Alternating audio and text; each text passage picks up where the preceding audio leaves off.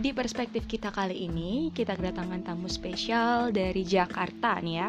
Buat kalian semua yang ngerasa jagoan Jakarta nih ya, nih apa namanya sebutannya? Apaan? Apa Palang sih? pintu. Gitu. Serampang serimping belum nyampe. Siap. Cakep, bego Cakep. salah. Maaf. salah, salah. Cakep ngapa siap? Mana lu? Ada Kak Nilam di sini. Halo Kak Nilam. Halo semuanya. Gila suaranya indah banget ya guys ya. Saja manis banget emang ini. Podcaster emang gitu ya emang ya? Aduh. Enggak, enggak. Ini Bu Haji apa kabar? Alhamdulillah gini-gini aja wabah virus corona membuat saya jadi cuman handphonean aja sampai pusing. Wow. Kena wabah enggak pusing sakit kepala iya pengen lihat handphone bu. Oke oke siap siap siap siap siap. Udah gitu aja. Udah. Oke. Pak Ibu termasuk dalam tim LDR sebagai seperti kita? Pernah lebih Pernah. tepatnya. Eh, sekarang gimana? Enggak ya? Enggak dong. Enggak ya? Ya lima menit lah kalau nggak macet. dulu kalau mau pacaran harus OTW dulu 12 Oh nggak ada dulu 12 jam kereta. Dulu kereta berapa? 16 jam ke Surabaya. Oke, itu dari Jakarta ya? Jakarta ke Surabaya 16 jam tuh lu mau pacaran. Mm-mm. Setahun cuman bisa dua kali. Mm-mm. Hmm, sedap benar perjuangannya. Cakep. Begitu. Eh boleh dong diceritain itu tahun kapan kak? Itu tahun berapa ya? 2009 aku pacaran pertama tuh. 2009 Itu masih Hmm. pi, kalau nggak salah masih TK ya? Mohon maaf nih, Anda TK-nya 2009 ya? Atau bagaimana ini? Enggak. Jadi 2009 tuh aku kelas 3 SMP akhir-akhir kalau nggak salah. Kelas 3 SMP itu udah ke Surabaya sendiri itu Belum, belum. Oh, Jadi belum. itu aku pertama kali pacaran serius yang Hmm. ada rasa cinta tuh ya kelas 3 SMP Gimana itu. rasanya cinta? Anda kan punya pacar. Katanya pejuang. Nggak berasa emang.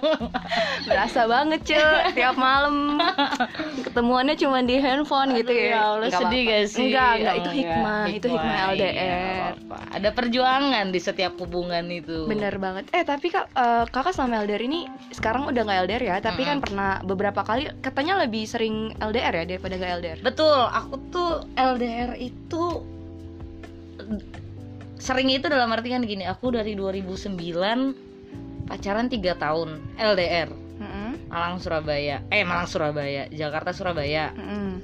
Terus eh, 2011 kalau nggak salah, 2009, 10, 11, iya.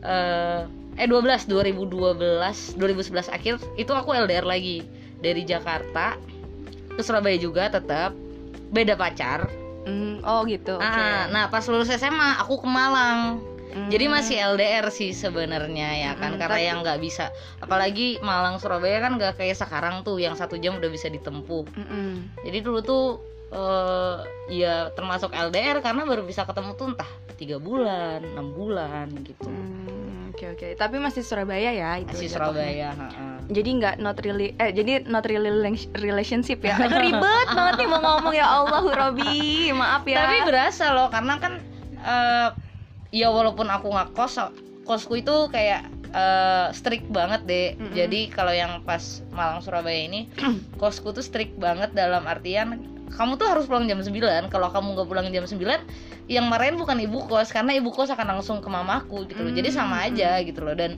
pacarku juga bukan yang bisa mondar mandir seenaknya kuliah gitu kan apalagi keluarganya yang gitu-gitu. Jadi bukan yang ya benar-benar kalau emang bisa ketemu tuh yang pas pas-pas entah lagi libur atau weekend bener-bener udah izin ke mana-mana gitu loh.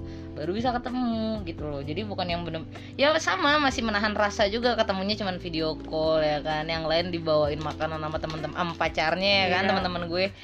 Gue ya mana belum ada gojek. Dulu ya nggak ada gojek ce. Jadi kayak mau minta duit miskin ya kan zaman dulu ya kan duh berat lah perjuangan kalau zaman dulu itu mah berjuang untuk pacar dan berjuang untuk hidup ya. betul betul Oke, tapi tapi kalau selama LDR ini eh, pernah gak sih kak kayak ada muncul-muncul eh, apa hawa-hawa negatif ini dalam arti kayak netting atau segala macam gitu pernah?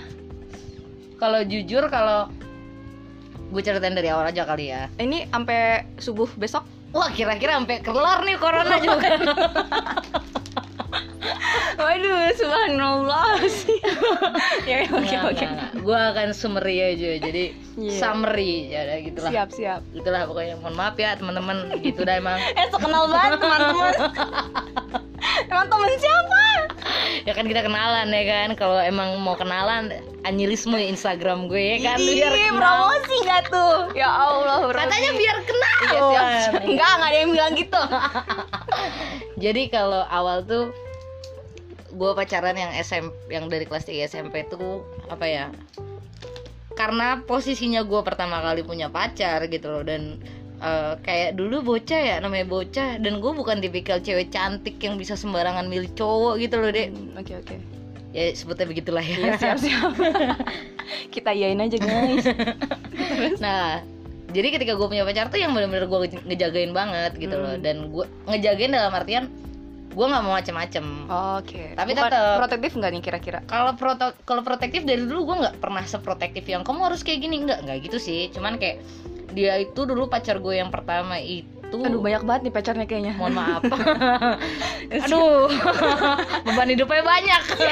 Oke oke oke oke lanjut. Nah terus pacar gue yang pertama nih anak dosen deh oh iya. Dosen di ITS oh oke. bapak ibunya dosen. Dosen di pokoknya anak teknik lah. Eh eh, orang tuanya ini eh, beliau ini memang dosen teknik di ITS dan itu Hmm. kan eh, kalau dilihat dari backgroundnya aja keluarga yang memang akademis banget kan dan Hmm. strict juga gitu loh. Jadi kehidupan pacar gue tuh dulu tuh bener-bener yang dari jam eh, pagi sekolah pulang sekolah les les itu sampai malam bener-bener sampai malam malam tuh udah capek Bayangin Oke, udah oke. jauh waktu aja nggak ada ya kan iya. walaupun itu cinta monyet ya kalau kata orang-orang tapi itu ngasih apa ya pelajaran terbesar malah buat gue apa pelajarannya ya itu karena selama itu gue kan nggak pernah punya negative thinking ke dia hmm. tapi nanti akhir-akhirnya ya nanti aja lah ya pokoknya apa ya ternyata dengan segitu perjuangan gue segitu gue nggak pernah negative thinking ke tuh orang Hmm. segitu gue nggak pernah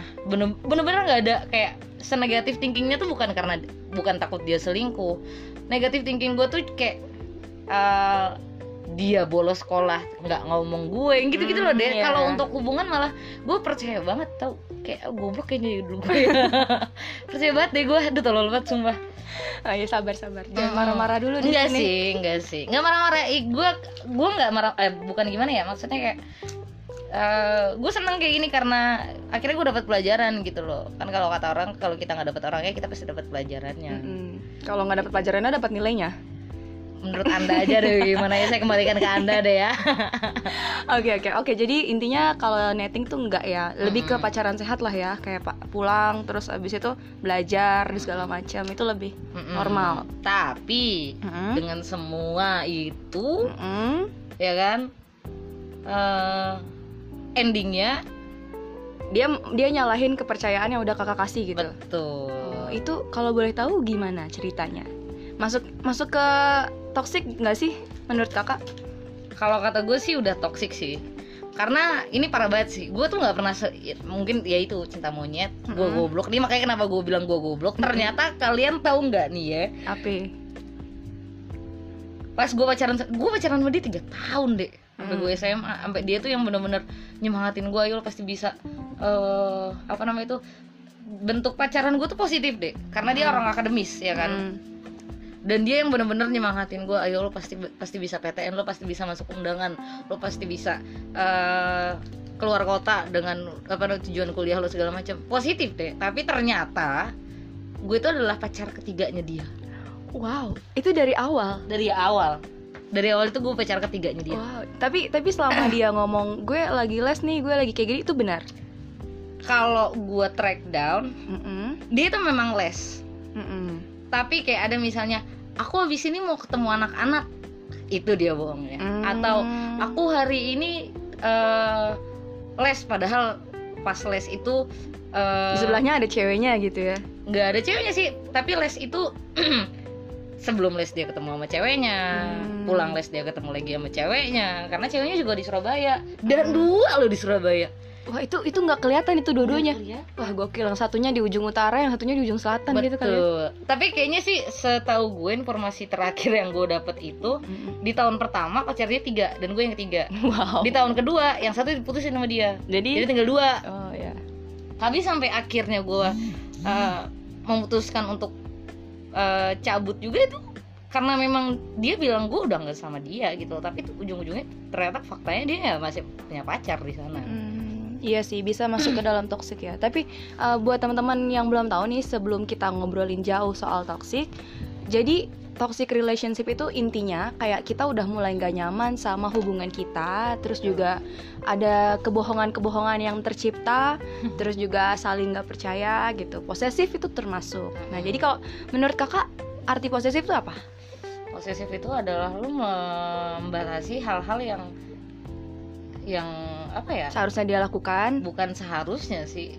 Sebatas nyaman sih maksud gue.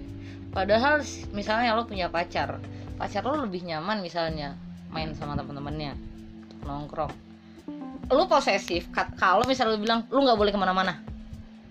Ya kan? Mm-mm. atau eh lo posesif kalau misalnya iya lo boleh tapi lo cuma boleh dua jam. Hmm, Oke, jadi ada batasnya ya. Mm-mm, padahal maksud gue kalau emang mau maksud gini loh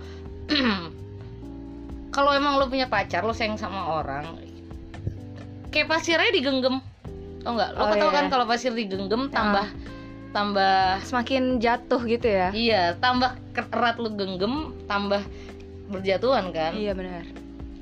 jadi selama apa ya selama sama-sama lo bisa kasih kepercayaan sih cuman jangan sampai goblok juga sih kayak gua gitu loh. Gua masih goblok banget. Tapi kalau posesif itu sendiri ya jangan sampai lu ngeganggu apa yang membuat dia nyaman. Oke boleh lah kalau misalnya emang lo mau ngopi terserah deh. Kalau emang lo mau ngopi nggak apa-apa. Jaga diri jangan pulang malam-malam. Itu masuk akal. Karena bentuk posesifnya adalah buat kebaikan dia. Bukan cuma buat ego lu. Iya. Kalau buat ego lu gue nggak mau lo main sama siapa pun sedangkan gue di rumah aja. Itu cuman menuhin ego lu doang kecuali lo nggak boleh keluar karena lagi corona masuk akal. Mm. itu nggak posesif. Kalau cowoknya tetap keluar goblok berarti. Hmm, iya kan? Iya, kalau misalnya lo nggak boleh keluar soalnya gue aja nggak keluar. Masa lo keluar sih? Gue aja nggak ketemu teman-teman gue masa lo ketemu teman-teman lo sih? Gue aja cuma di kosan doang masa lo nongkrong sih? Nggak bisa. Itu nggak bisa lo eh, membatasi hidup seseorang kenyamanan seseorang demi ego lo doang itu posesif Oke, dan dan di hubungan kakak yang kemarin LDR ini kayak gitu. Hmm, ada beberapa nah kalau gua sih eh toksiknya lebih di bagian kepercayaan sih bukan karena keposesif eh, posesifan itu Mm-mm. tapi kalau soalnya kan toksik itu kan banyak ya Iya. bener-bener di mana ketika lo udah nggak nyaman di hubungan lo ya kan kayak contoh yang pertama kayak gitu di LDR gue maksudnya kayak lo berjuang mati-matian ya kan? Berjuang eh gue dulu ke Surabaya pakai duit SPP beli tiket tiga hari cuman tiga hari doang biar nyenengin biar Dia. nyenengin mm, mm, biar ketemu. Karena dia yang bilang iya aku bakalan ke Jakarta. Gue yang berjuang nyari duit SPP ketutup pakai duit jualan risol. Lu kayak anak anak kuliah nyari danusan tuh gak sih? Oke, gila demi pacar tiga hari gitu ya. tiga hari doang gue nyari duit beli tiket jualan risol buat tutup biar kagak dipanggil orang tua ya kan? Segitu loh perjuangan gue ternyata gue dapet jawaban ya gue diseling gue adalah selingkuhan sebenarnya. Dan yang kedua gue pas udah nyampe Malang gue udah nyampe Malang nih dek Mm-mm. ya kan LDR gue ya apa tadi lu bilang not really Not really uh, LDR. not not really LDR tapi ya LDR lah namanya long distance ya Iya. maksudnya tapi eh dengan fakta yang gue lo tahu gue tuh dulu LDR pas Malang Surabaya nih Iya. dua jam gue yang naik motor ke Surabaya. Eh by the way dulu belum ada tol ya. Jadi teman-teman kalau kemarin di episode sebelumnya Itu kan kalau Kak Zizi itu bilang Satu setengah jam itu nggak nyampe Karena sekarang udah ada tol baru. Nah kalau dulu itu belum ada tol. Jadi sekitar dua jaman dua ya jam. Dua jam sampai tiga jam itu gue naik motor yang hujan-hujan yang mau gue gue sampai banjir. Lo tau nggak gue pakai jas hujan yang kelelawar? Banjir motor gue goyang-goyang. Kayak Apa? Apa? sumpah sumpah gue nggak habis pikir gue nggak pernah apa ya kalau gue toksiknya tuh karena ketika apa ya ketika pasangan gue nih ngerasa nggak puas dengan hubungan yang dia punya Oh, jadi menurut kakak toxic ka- toxic relationship itu itu? iya Iya, karena salah ketika satu di kategorinya salah sih. satunya itu ya kan selain posesif itu Mm-mm. juga karena eh, sekarang gini manusia tuh banyak banget ya kan Mm-mm. dan eh, orangnya beda-beda. Ketika lo memutuskan untuk pacaran sama dia dengan segala konsekuensinya lo harus terima itu. Iya ya kan? Iya betul. jarak ya kan? Tiba-tiba laki lo harus ada di Jakarta lo ada di Malang ya kan? Iya. Eh, terus dan pacar gue yang mantan gue yang dulu itu bener-bener padahal deket loh ya kan? Dia berjuang aja nggak mau. Maksudnya ya ya kadang dia itu. Cuman lebih banyak gue tetap yang mengorbankan banyak hal. Gue nggak ini bukan sebuah penyesalan ya ini cuma Iya. cerita aja gue udah nyampe sana gue nggak pernah punya gue pernah tuh suatu ini adalah puncaknya gue pagi-pagi. Ini dengan orang yang berbeda ya main Iya. pas SMA dulu. Mm-mm. terus gue pas gue dengan semangat semangat pagi-pagi berangkat ke Surabaya mau nyurprisein dia deh Mm-mm. nyampe sana set kaget dia. Kok kagetnya aneh gue bilang. Kan gue ke rumahnya kan. Ya udah terus HP gue mati nih deh Mm-mm. nyokap gue nelpon dan HP gue mati. Gue minjem HP-nya dia Buat ngabarin nyokap. buat ngabarin nyokap gue nggak pernah maksudnya ya kalau ngecek mah kalau kalau di hubungan gue sih hal yang wajar cuman pada saat itu gue nggak ada pengen ngecek handphone Mm, gue cuman pengen minjem gue mau nelfon nyokap Iya iya. iya. pas gue mau minjem itu sekali dalam tiga tahun cuman sekali itu dia bilang sebentar dan dia nahan handphonenya untuk beberapa menit wah otak kita perempuan jalan ya kan kalau begitu wah ada apa-apa nih lu tiga tahun sama gue tiba-tiba lu kelakuannya beda sekali aja kan kita tahu Tapi nggak nggak cuma perempuan sih, kadang kadang Laki-laki juga laki-laki gitu juga, gitu. Maksudnya bukan dalam arti yang ini ya. Di sini kan konteksnya kita perempuan mikir gitu. Nah, Hmm. ya, nggak cuma laki-laki yang main belakang, cewek Iya. juga banyak kan yang main Iya. belakang. Heeh, Oke, terus terus? jadi pada saat itu ya lebih kayak karena kita pasangan dan gue tahu tabiat lo kayak gimana tiba-tiba sekali ini beda. Gue yang tadinya gue udah nelfon nyokap udah selesai nelfon nyokap gue bilang gue pinjam handphone lo bentar. Lo tahu dulu zamannya BBM Iya. gue lihat chat BBM-nya chat BBM cuma tiga yang lainnya di friend ya kan? Iya. kan dulu kan ada kan chat sama friends ya kan? Udah itu doang kan. Chat, chat tuh cuma tiga nyokapnya gue sama adiknya di chat itu gue cari deh satu-satu. Gue cari historinya. Ketemu satu cewek. Wah gila, ini kalau cewek udah jadi udah detektif, kayak- serem udah. Lanjut warna apa kelihatan juga ya terus terus. gitu. Jadi bener-bener pada saat itu gue sadar wah ternyata lagi-lagi gue berjuang dan kayak gini hasilnya. Ya kan? Hmm. karena ya sesimpel itu karena pasangan lo nggak ngerasa nggak puas dengan entah. Gue juga bingung dia tuh nyari apa. Ya nggak sih? Iya sih. maksudnya kayak pacar udah deket. Gue dari gue pacaran sama dia dari gue di Jakarta sampai gue udah di Malang. Mm-mm. dan per- dan udah tiga tahun dan dia masih kayak gitu. Nah setelah itu otomatis gue udah hilang kepercayaan. Iya. gue pulang ke Malang nggak kebanyakan babi ibu ya kan? Eh bentar, itu surprise-nya jalan nggak? gue tanya balik dah Ya sayang lu dong. sesayang sayangnya sama laki lu mau jalan kaki ke Jakarta Eh. Cilengsi Jakarta aja Cilengsi Tanah Abang dah lu jalan kaki mau nggak Eh jangankan Cilengsi Tanah Abang, hmm. dari depan rumah Mm-mm. ke rumah kelima ya gue mager. Terus ada pertanyaan Enggak enggak. So, terus yang aku pikirin adalah itu kuenya sayang banget udah dibilang. ya kak, kuenya dikemanain itu? yang itu Heeh.